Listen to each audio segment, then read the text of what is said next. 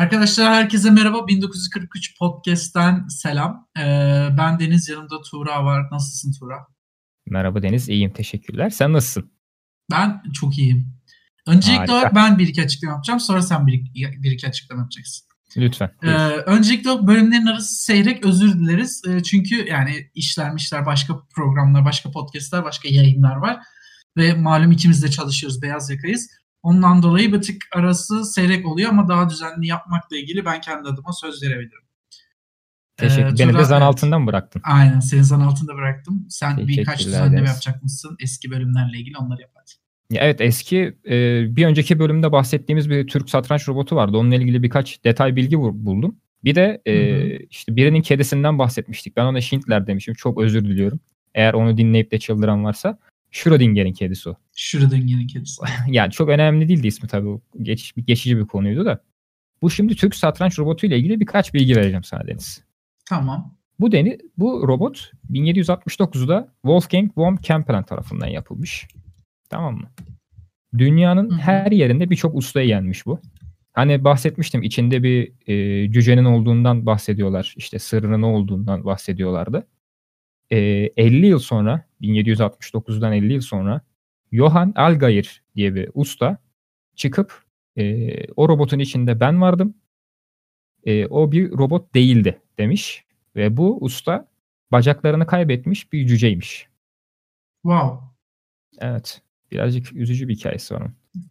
Ayrıca 1809'da yendiği bir usta var bu robotun. Napolyon. Vay böyle be. böyle bilgiler var. Evet. 1700. Teşekkürler. Ne demek ne demek? Peki ee, kaç arada, kişinin sence aklında kalacak bu bilgiler? kimsenin aklına kalmayacak. Böyle hani gün içinde okursun, gün içinde unutursun Aynen. bilgileri bunlar. Zaten o yüzden Aynen. bölümün başında verdim. Eyvallah. Okey bu bölüm uzay konuşacağız. Hazır oh, mısın? Güzel. Kendine buna hazır mı hissediyor musun? Valla önemli olan sen hazır mısın? Buradaki ben daha hazırım, çok bilgi ben, sende. Aynen çünkü ben yıllardır e, en sevdiğim bilimsel aktivitelerin hepsi uzayla ilgili ve e, yegane diğer podcast'imiz ne yaptığının da teması uzay biliyorsun. E, evet. Ben çok heyecanlıyım hep uzayla ilgili. Yani çok isterdim astronot olmayı ya da işte uçak pilotu olmayı çocukken ama olmadı. Ah be. Aa, ya. Zaten ya ben uzayın şey tarafıyla daha çok ilgileniyorum. Eğlenceli kısmıyla. İlginç her noktası eğlenceli oluyor. gelmiyor mu? Bana her noktası çok eğlenceli geliyor. Yani ya, orada işte ilk çıkışından tut da işte orada oksijen üretim çalışmaları, işte oksijen nasıl üreteceğiz, yemek nasıl üreteceğiz, işte atmosfer nasıl yaratabiliriz, su nasıl üretebiliriz. Çok fazla o, o, o geyik bile benim çok hoşuma gidiyor oradaki nörtlük. Ama sen şu an bir sürü dertten bahsettin. Evet, evet ama onların hepsinde çözümünü üreten zekalar var. Bunlar da konuşulacak. Evet. Bilmiyorum. Ben eğlenceli hikayeler kısmına gidiyorum daha çok. Okey. Nasıl başlayalım Onlar... istersen? Ee, Tura, ya... e, e okey klasik soru. Tura sence biz ne zaman Mars'ta koloni kuracağız? Evet. Geldi yine. Ee, Takvimimi şimdi... önüme açtım işaretleyeceğim çünkü hazırım. Tam gün tarihi istiyorsun değil mi? Aynen aynen. aynen. Şimdi e, en son Mars'a bir uzay aracı gönderilme olayı olmuştu. O başarılıydı diye hatırlıyorum. İçinde insanların olduğu. Yanlış mı hatırlıyorum? Yanlış Robotlar falan robotlar gönderiliyor Robot 2000'den var, beri. Evet. Tamam. E, iki yılda bir gidiliyor. E, çift yıllarda gidildiğini varsayıp diyorum ki hı hı. 2032. Yok çok çok ileri gittin. Çok özür dilerim. 2028. Bence yine ileri gittin ya. Hayır bence sen iyimsersin yeterince. 7 Ocak 2028'de e, bir aile Mars'ta yaşamaya başlayacak. Yeterince ee, ben sana mı? söyleyeyim mi? Söyle bakalım. Elon Musk son açıklamasında 4 yıl içerisinde Mars'a insanlı yolculuk yapacağız dedi. Elon Musk biraz da hayalperestmiş. Ama şimdiye kadar söylediği her şeyi de başardı. E tartışılır evet. Bir birçoğunu başardı. Söylediği yıl içerisinde olmasa da. Yani hmm. baktığın zaman Tesla da bugün çok başarılı bir firma ama e, Mercedes miydi tam hatırlamıyorum. Eğer onların bu firmaya yaptıkları yatırım olmasa Tesla batıyormuş. Ucundan dönmüşler yani şey gibi mi bu işte e, Bayern Münih'te zamanında Dortmund'a şu kadar para vermeseydi Dortmund işte yok olacaktı gibi bir açıklama mı Tura? Hayır o, o hikayeyi bilmiyorum da bu Elon Musk'ın okay. kendi yaptığı açıklama bu arada. Çıkıp teşekkür ediyor yani o firmaya. Firmanın adını tam hatırlamadığım ha, okay. için şimdi söylemiyorum. Öbür bölüm düzelteceğim bunu da. Yani Hikaye e, kendimi. İşte e, 2022 ile 2023 arasında Mars'a iniş yapmayı planlıyorlar ama biz onun öncesinde buraya gelmeden önce bu noktaya gelmeden önce tamam okey takvimimizde işaretlememizi yaptık 2023 yılında görüşmek dileğiyle. Ee, ben uzay macerası nasıl başladı onu konuşalım istiyorum. Tabii ki lütfen. Var mı sende bilgi yoksa ben başlayayım mı? Yani büyük ihtimal Amerika-Rusya e, soğuk savaşından Yok yok çok daha öncesinde aslında mi? bu olay. Şöyle. Ha buyur o zaman. Evet İkinci Dünya Savaşı öncesinde Adolf Hitler e, savaş yatırımı kapsamında birçok bilimsel projeye yatırım yaptı. Bu işte üstün insanlardan tut da jet motorlu uçaklara kadar işte atom bombasının ilk geliştirilmesiyle kadar işte V2 roketleri ve burada da geliyoruz ki V2 roketleri. V1 ve V2 roketleri denilen roket sistemi. Bu roketler e, İkinci Dünya Savaşı öncesinde Almanya'da geliştirilmeye başladı. Şimdi başındaki insanın ismini unuttum özür dilerim. E, isim konusunda çok büyük bir hafızam yok. E, bu saygıdeğer bilim adamı e, Adolf Hitler için bir proje hazırlıyor. E, orduya bu projeyi gösteriyor. Proje esnasında, test esnasında başarısız oluyor. Ama Hitler o dönem bütün projelere destek verilmesini garanti ettiği için projeye yine de destek veriliyor. Başta hedefi, e, bu projeyi gerçekleştiren insanın hedefi Ay'a gitmek. E, Üçüncü Reich'ın Ay'da üstünü kurmak. İşte Ay'a ilk giden e, toplum olmaktı hedefleri. Savaş çıkmasaydı eğer. Savaş çıktıktan sonra V2 ve V1 roketlerini Londra'ya göndermek üzerine karar alıyorlar. İşte e, çeşitli tabii çok test yapılıyor bununla ilgili. Çok uzun sürüyor. Çok gizli testler yapılıyor. E, santral için işte kö- kömür ocağı kuruluyor. İşte roketlerin fırlatıldığı yer için falan gibi gibi çok detaylı olaylar var. Bununla konu alan e, Hitler'in gizli silahları diye National Geographic'in belgeseli var. Çok uzun süre V2 roket üzerine 40 dakikalık bir belgesel var. İzlemenizi tavsiye ederim. E, roket sistemi aslına bakarsanız orada başlıyor. Başlıksız olarak üretmeye çalışıyorlar işte insan odaklı olduğu için. Ama sonrasında 2. Dünya Savaşı patladıktan sonra bu roketlerin askeri amaçlı kullanılması isteniyor. Oradaki bilim insanı bunu istemiyor. Ama sonrasında tabii ki de yani nasıl istemiyorsun Hitler var başında. Sonrasında bu roketler Londra'ya düşürmeye başlıyor. Londra'ya yanlış hatırlamıyorsam 2000'in üzerinde e, V2 roketi düşüyor ve çok fazla can ve mal kaybına e, yol açıyor. Çünkü bombardımandan daha etkili. Çünkü bombardıman bir süre sonra Londra defans tarafından durduruluyor. İngiltere defansı bunu durduruyor uçak hava savunma sistemleriyle, radarla ve benzeri teknolojilerle. Radarı da bir ara konuşabiliriz. Radar da aslında günümüz teknolojilerinin ilerlemesinde çok etkili olmuş bir sistem. Tabii. Ee, radarla durdurabilirken V2 roketlerini durduramıyorlar. Bir de şöyle bir sıkıntısı var V2 roketlerinin. Nereye düşeceğini de bilemiyor insanlar. Ee, ha, o neden? V2 roket e, çünkü şey yakıtı nerede biterse oraya düşüyor. Hani her defasında farklı noktaya düşüyor V2 roketi. Aynı noktaya düşmüyor. Hani atıldığı mesafeden işte düşeceği mesafeye değişiklik gösteriyor. Yakıtı nerede biterse. Yani İlk V2 riskli, roketi çok riskli ama çok yaratıcı bir şey sistemmiş. E, tabii tabii. Yani riskli dediğiniz zaten karşı taraftaki dümdüz bir çizgi üzerinde gönderdiğin için roketi. Tabii bu roket ilk başta çok saçma salak pozisyonlarda gidiyor. Onu yönlendiremiyorlar. Onunla ilgili bir mücadeleleri var. Çeşitli düzenlemelerin ardından düz bir çizgide göndermeyi bulabiliyorlar. Hani e, onunla ilgili de çeşitli yine dediğim gibi National Geographic'in belgeselinde anlatımlar var.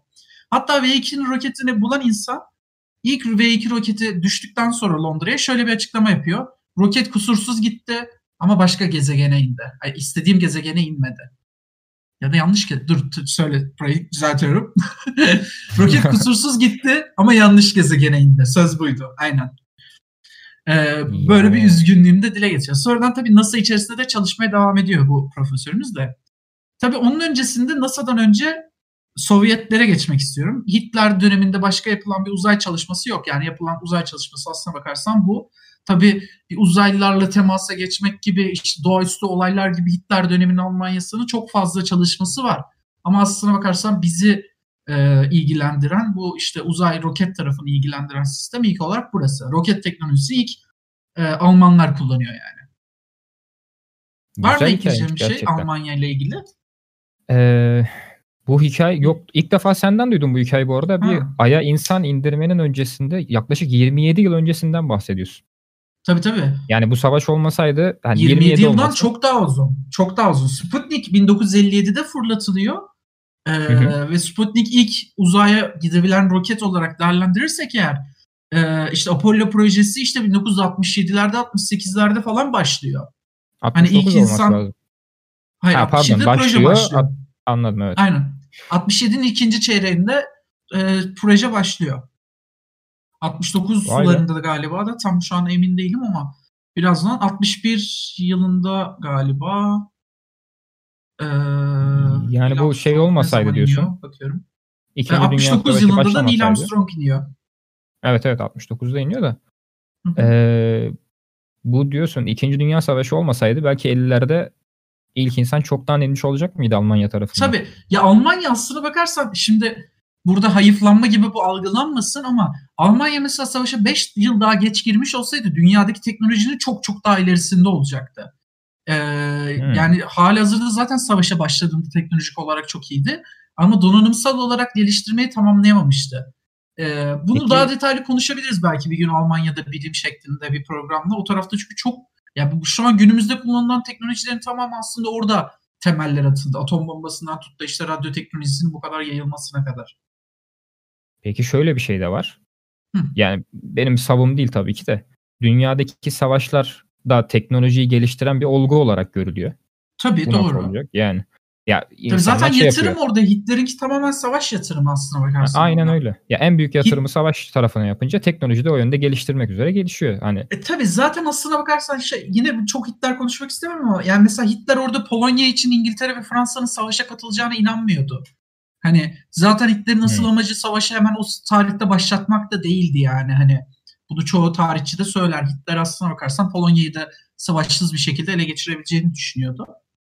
Neyse Polonya'dan geçelim Rusya'ya gelelim. İkinci Dünya Savaşı sonrasında her alanda Sovyetler Birliği ile Amerika arasında bir e, çekişme başladı.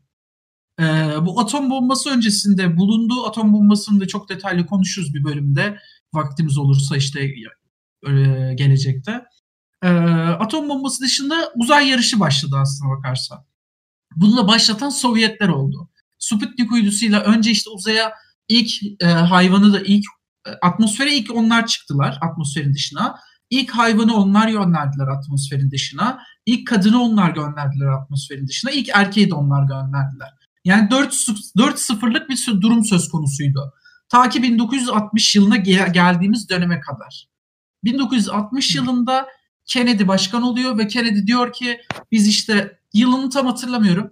5 yıl 10 yıl içerisinde Ay'a gideceğiz. Onun öncesinde tabii e, Ruslar ilk Ay'a iniyorlar ama robot indiriyorlar onlar. İşte e, yanlış hatırlamıyorsam 5-10 gram bandında bir ay taşıyla dünyaya dönüyorlar. Ardından Amerika çıkıyor ve ilk çıkışında önce işte ayın yörüngesinde dönüyorlar bir süre. Atmosfere çıkıyorlar. Kademe kademe arttırıyorlar. E, ardından da işte ayın etrafında dönüp yanlış hatırlamıyorsam 6 insan mı görevliydi? Orada ee, galiba. belki. Bir ben 4 diye hatırlıyorum ama. Çünkü şey olayı var. E, dünyanın en yalnız insanı diye bir olay var orada.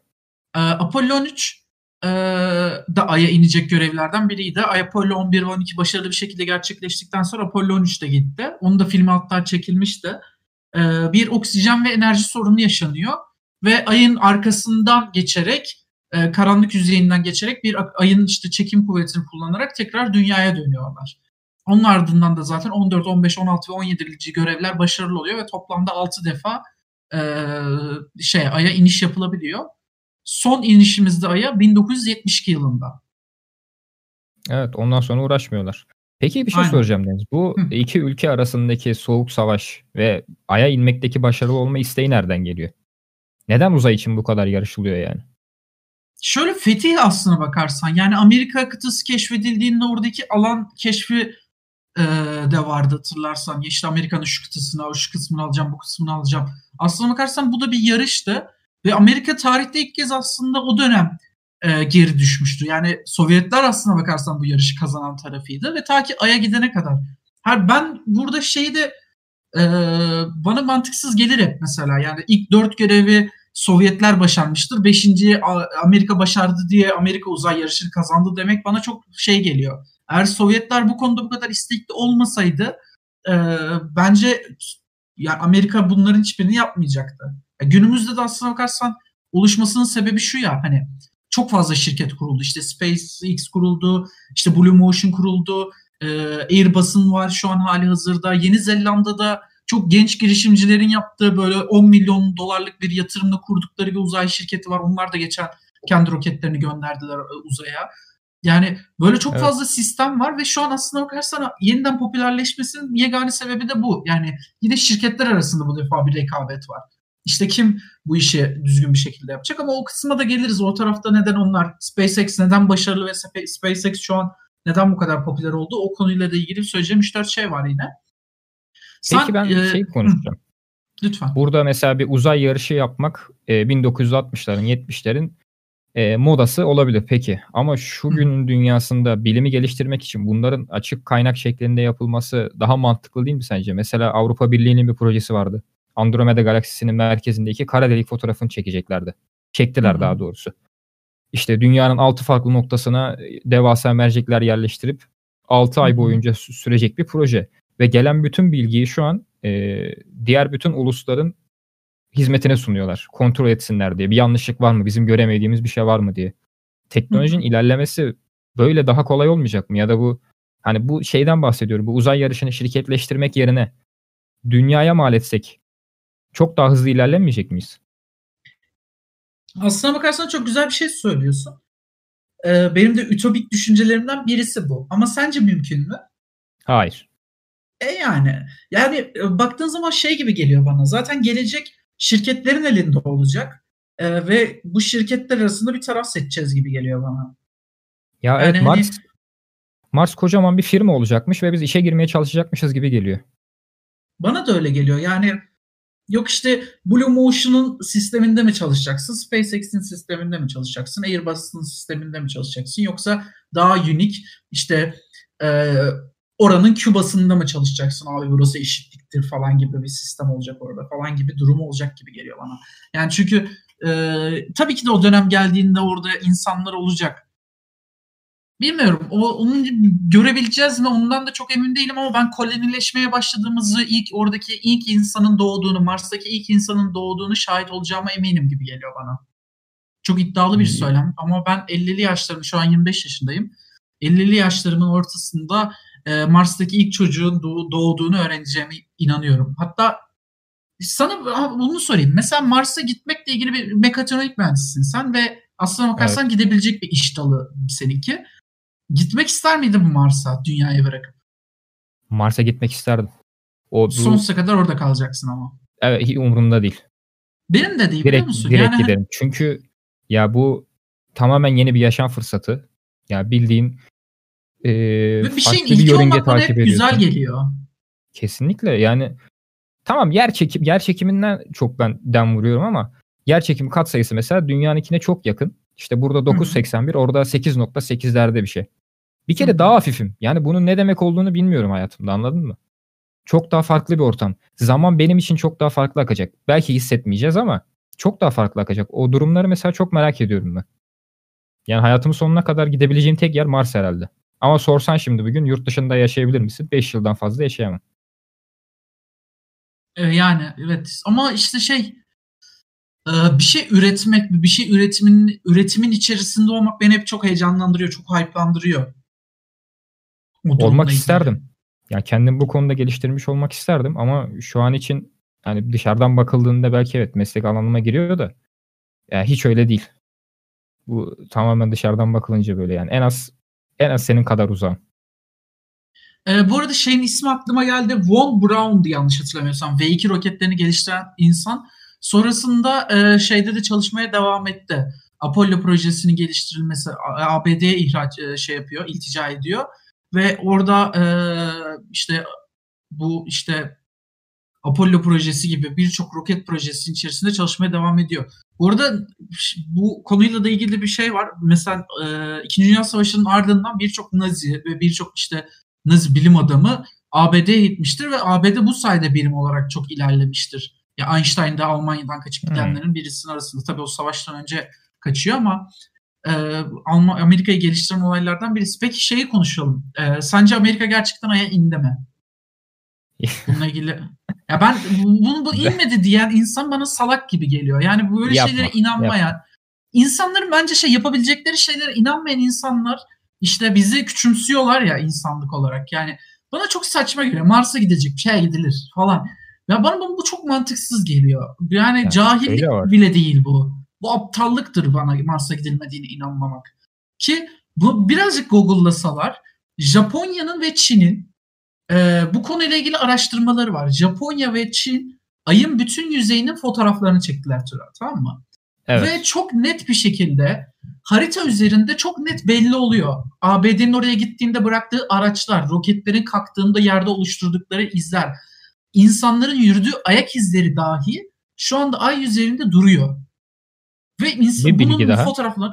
Buyur lütfen. Bir, şöyle bir şey de var. E, oraya küçük bir şey bırakıyorlar. Ayna görevi görecek bir araç bırakıyorlar. Aynen öyle. Ayın işte Ona uzaklığını bir, keş öğrenmek için. Evet. Ona da bir Çok lazer gönderip tekrar e, geri tepki alan şeyler de var, programlar da var. Hatta The Big Bang Theory olması lazımdı. O dizide de konu oluyor. Aynen. Bu, ee, bu, bu konuyla ilgili de mesela Ay'a gidilip gidilmediği ile ilgili de Barış Özcan'ın bir videosu vardı. Orada bütün maddelerle sıralanmıştı yanlış hatırlamıyorsam. Belki başka biridir. Ay'a gidildi mi diye YouTube'da aratırsanız çıkar karşınıza. Ama lütfen yani Google ya bence... İngilizceniz yoksa bile Google'da Türkçe bir şey yani İngilizce bir şey Google Translate'le çevirip aratın. Sonra da sağ klik yapıp bu siteyi Türkçe'ye çevir diyeyim. Ve oradaki bütün kaynakları okuyun. Yani sizce Amerika'ya gitmemiş tamam, olsa sakin. ve Japonlar bunu sizden bunu saklar mı? Japonlar bunun fotoğraflarını çekmiş. İlk gidilmemiş olsa bunu Japonlar Çinliler söylemez mi yani? Hani böyle bir şey olmamış tabii, olsa. Tabii. Ee, bağımsız Çok bir sürü yani. firma bir sürü firma bir sürü ülke bunun aksini kanıtlamak için uğraşıyor ama hepsi e, hezemet oluyor. E, ayrıca Google'a Ay'a gidildi mi diye saçma bir arama yapılması da artık çok mantıksız. Tabii evet. Yani Google'da yani şey aptal mısın diye bir search sonucu çıkar. Bu, bunu mu demek istedin? Şey var. aptalım ben. Bunu mu demek istedin? Hangi... Aptalım ben. Sakin ol. Ee, bir şey var. NASA hangi yılda hatırlamıyorum. Bundan e, 5-6 sene önce olması lazım da. Artık ya o kadar böyle patlak vermiş bu. Ay'a gidilmedi, inmediniz falan gibi şeyler söylüyorlar adamlara. E, 5000 tane fotoğraf yayınladılar Deniz. Kare kare. Hı hı. Tamam mı? ay yüzeyinden işte inerken, kalkarken, yoldayken, geri dönerken falan 5000 tane fotoğraf var. Hala ee, shop işte stüdyo falan gibi iddialar geliyor. Lafını destekleyerek bölmek istiyorum. Lütfen. Ee, Apollo 11 görevi esnasında dünyanın birçok noktasından roketi takip eden bağımsız gözlemciler var. Ve binlerin üzerinde bu rakamlar. Bunların da kaynakları internette var. O günkü kayıtları, gözlemleriyle ilgili geri dönüşleri yazdıkları şeyler. Yani saçmalık. Yani düpedüz saçmalık. Çok fazla bağımsız evet. gözlemci var o konuyla ilgili. Yani hani roketi takip ediyorlar. Roketin gittiğini görüyorlar. Ya belki şundan bak e, şeye geri döneceğim mesela. Bu savaşı neden Amerika kazandı? Çünkü abi 12 daha çok sükse getirdi gördüğün gibi yani. Bu hala bugün tartışılıyorsa. Hollywood efekt onunla var, ilgili var, neden Amerika tabii ne, şimdi o kısma geçelim. Neden Amerika kazandı? Ee, 1960'ların başında tarihi yine tam hatırlamıyorum ama ismini de hatırlamıyorum. Özür dilerim. Yani bilgi konusunda bir tık yetersiz olabilirim bu konuda. Ee, şunu da bir ekleyeyim öncesinde. Biz sadece size şunu yapmak istiyoruz arkadaşlar. Konulardan bahsedip sizin bu konularla ilgili yani Sizden çok fazla bilgimiz yok bu konularda. Biz sadece bu konularla ilgili araştırmalar yapıyoruz, okumalar yapıyoruz, videolar izliyoruz, filmler izliyoruz ve sonrasında sizi belki birazcık heyecanlandırmak, heveslendirmek istiyoruz bu konuyla ilgili. Sovyetleri uzay e, projesinin başındaki adam ölüyor. Sonrasında bu adam aynı zamanda e, işte Komünist Parti'de çok önde gelen bir insandı ve o partinin oraya yatırım yapması konusunda Sovyetleri ikna eden kişiydi. Bu yatırımlar kesildikten sonra o insan öldükten sonra ve Sovyetler Birliği'nde bir ekonomik kriz başladı. Bundan dolayı Sovyetler Birliği bu kısma yatırım yapmayı azalttı. Bundan sonra da oluşan işte yatırımlar ve başarılı projeler azalmaya başladı. Aynı şey 1979 yıllarında 73 yılıydı tam hatırlamıyorum bu iki yıldan birisinde Amerika'da bir petrol krizi yaşanmaya başlıyor ve ekonomik kriz çıkıyor ardından. Bu ekonomik kriz sonrasında Amerika'da uzay programına yatırım yapmayı bırakıyor. Ya zaten aslına bakarsanız Apollo 13 dahi gittiğinde uzaya 11'de Ay'a çıkılmış. Çok başarılı bir proje elde edilmiş. 12'de çıkılmış. 13 çıktığında bile Senato'da Amerika'daki Senato'daki bir grup yobaz cumhuriyetçi arkadaşımız Ay'a çıkılmasın diye bir taraflarını yırtıyordu. Yeter artık buraya proje para harcamayalım, vergilerimiz buraya gitmesin diye halkın bir kesimi de yakınıyordu. Neyse, devam evet. edelim Tur abi. ben yine sinirleniyorum insanla. sen, sen, sen dolusun bu konuda. Bir, Aynen ben e, çünkü ya bilime ya Türk bak mesela yine aklıma geldi ve sinirlendim. Şu parçacık fiziği denilen bir şey var. Ee, evet. Ve CERN'de bununla ilgili bir araştırma yapılıyor. Ve bizim ülkemizin çok yegane başarılı fizikçileri var. Bilirsiniz. Erkan İsimlerini şu an. Şu an yani bizim NASA'da çalışan astronotlarımız da var. Türk bu insanlar. Astrofizikçilerimiz var. Ee, bir tane devlet başkanımıza gidip başbakanımıza gidip diyorlar ki CERN'de böyle böyle bir proje yapılacak. Biz yatırım yapalım. Biz de bu işin içine çalışalım. Sonrasında bu işe giremeyiz bakın diyorlar. Sonrasında olmuyor. Şimdi ne yapıyoruz? Biz bunun küçüğünü göl başında yapıyoruz. Aynısını. O dönem bütün evet. dünya ile birlikte çalışmak varken, bütün dünyadaki fizikçilerle birlikte bir fikir alışverişi yapmak varken içimize kapanıyoruz. Biz diyoruz ki bunu göl başında kendimiz yaparız küçüğünü. Ya işte o hani başta söylediğim optimum çözüme biz bile dahil olmadıysak zaten demek ki yeterince Aynen. inanmıyoruz. Hani bu bilim e, bireysel geliştirecek bir şey değil. Kümülatif bir olay. Yani üst üste birikerek gitmesi lazım ki herkes bulduğu şeyi paylaşacak. Kaldı ki yani bu dünyadan eğer çıkmak istiyorsak tek bir şirketin, tek bir ülkenin yapabileceği bir şey gibi durmuyor artık. Ayrıca ya bu o, şey özür dilerim şunu yani bile. denize gitmek istiyoruz. E, babam almış bana işte balkona havuz. Yani böyle bir şey bu evet. ya. Gerçekten ben denize gitmek istiyorum. Babam bana balkona havuz kuruyor yani. Hani lütfen ya. Sen azat ama etmiyorsun. Şey çünkü... ilgili şunu söyleyeceğim. Ee, başta dedin ya CERN'de çalışan işte fizikçilerimiz var. Bu orada bir fizikçi Hı. var. Erkcan Özcan diye. Buradan da evet. bir hani kanal önerisi Flu yapacağım. TV'de galiba program yapıyorlar Heh. değil mi? Aynen, Aynen. Buyur. Olmaz böyle olmaz öyle saçma bilim serisi var Erkcan Özcan'ın. Onu mesela izleyebilirsiniz. Gerçekten e, bilimle hiç uğraşmamış olsanız bile, hiç araştırmamış olsanız bile gerçekten bir e, standart insan seviyesine inip e, bütün o detaylı konuları anlatabiliyor. Özellikle zaman e, videoları çok güzel. İki seri, iki Hı-hı. videoluk bir serisi var. Onu Hı-hı. tavsiye edebilirim. Onun ya dışında NASA'da o... çalışanlar hatırlamıyorum ama. Aynen ya şey e, bu, bu ismi ben de hatırlamıyorum ama Twitter'da çok etkin bir insan. Birazdan hatta program içerisinde bakarım. Kayıt esnasında, montaj esnasında eklerim programın sonuna o ismi de. Ee, bizim aslında burada size vermek istediğimiz şeylerden biri kaynakları aslında sunuyoruz da. Biz bu kaynakları tüketmenizi istiyoruz ki e, belki 20'li yaşlarınızdasınız ve yazılım okuyorsunuz ya da işte bir yerde mühendislik okuyorsunuz. Sınırlarını ben insanların çok alçak düzeylerde tuttuğunu düşünüyorum. Kendilerini daha geliştirebileceklerini düşünüyorum. O perspektif o perspektifi kazanmaları, o çerçeveyi genişletmeleri gerekiyor insanların. Ee, bunu da içerikler tüketerek, kitaplar okuyarak ya da işte belgeseller izleyerek yapabilirsiniz. Neyse yani devam edelim. Aha. Türkiye'de e, ortalama dertli insan yaşı artık 20'nin altına indi. Bu biraz da bu yüzden artık hani normalde hani hayal kurmayı bıraktılar çünkü insanlar. E tabi tabi ya normalde geçim sıkıntısıydı şeydi falan e, gelecek endişesiydi. Bunları 25'ten 30'dan sonra yaşayacakken artık 17 yaşındaki çocuk yaşıyor. Hı hı. Hani bu artık ondan bekleyemezsin ki ben NASA'ya nasıl işe girerim diye bir araştırma yapsın. Ayrıca NASA'da çalışan çalışan demeyeyim NASA'ya proje götüren bir liseli gencimiz vardı. İlayda Şamilgil olması lazım. TÜBİTAK'ta elenen projesi NASA tarafından destek alıyor. Böyle insanlar da var.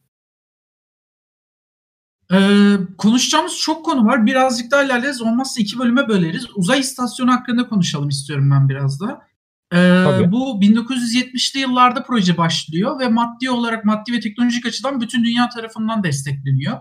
Ee, ilk uzay resmi olarak ilk anlaşma bu işte Sovyetler, Amerika ve Avrupa ülkeleri arasında yapılan ilk anlaşma bu.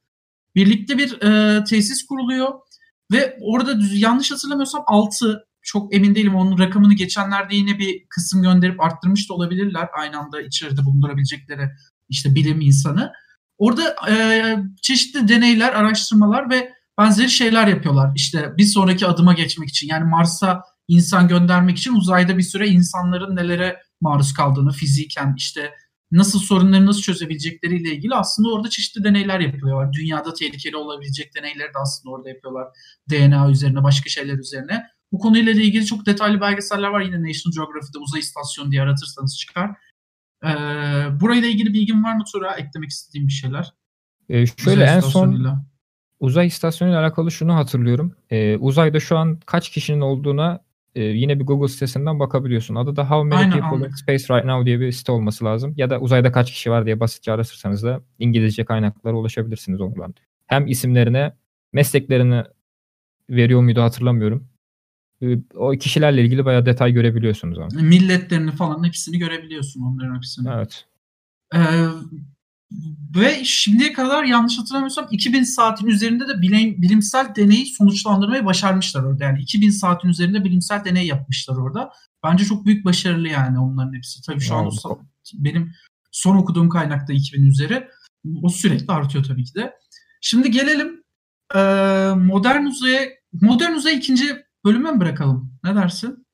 Olur. Daha iyi olur. Aynen. Aynen. Modern uzayı da ikinci bölüme bırakalım. Bu bölümümüz işte uzay yarışı olsun. Çok fazla yine üstünde durmuyoruz konuların. Biz sadece konularla ilgili size kaynaklar sunmak amacımız ve sizin bu konularla ilgili hevesinizi belki bir tık arttırmak başarabiliyorsak eğer. Yanlışımız tabii ki de vardır. Yanlışlarımız adına özür dileriz. Ee, öbür bölüm yani, düzeltiriz bunu. Aynen öbür bölüm düzeltiriz. Bize geri dönüş yaparsanız işte Instagram bendeniz Şahin ve Instagram Tura ADS. Yanlış söylemiyorum değil mi? Yanlış söylüyorsun. Ama sana Hiç yazarlarsa ben destek olurum sana. Hayır senin, kendi Instagram'ını da söyle. Tuğra.gk. iki aile. Teşekkürler. Ha, aynen. Okey. Ee, bu Instagram accountlarından da bize ulaşabilirsiniz yanlış bilgilerimiz varsa. Özür dileriz tekrardan. Tekrardan amacımız bu. Ee, çerçevelerinizi geniş tutun ve yenilikçi olun. Yani bir şeyleri başarabilirsiniz. Kendinize güvenin. Kendinize iyi bakın. Bye.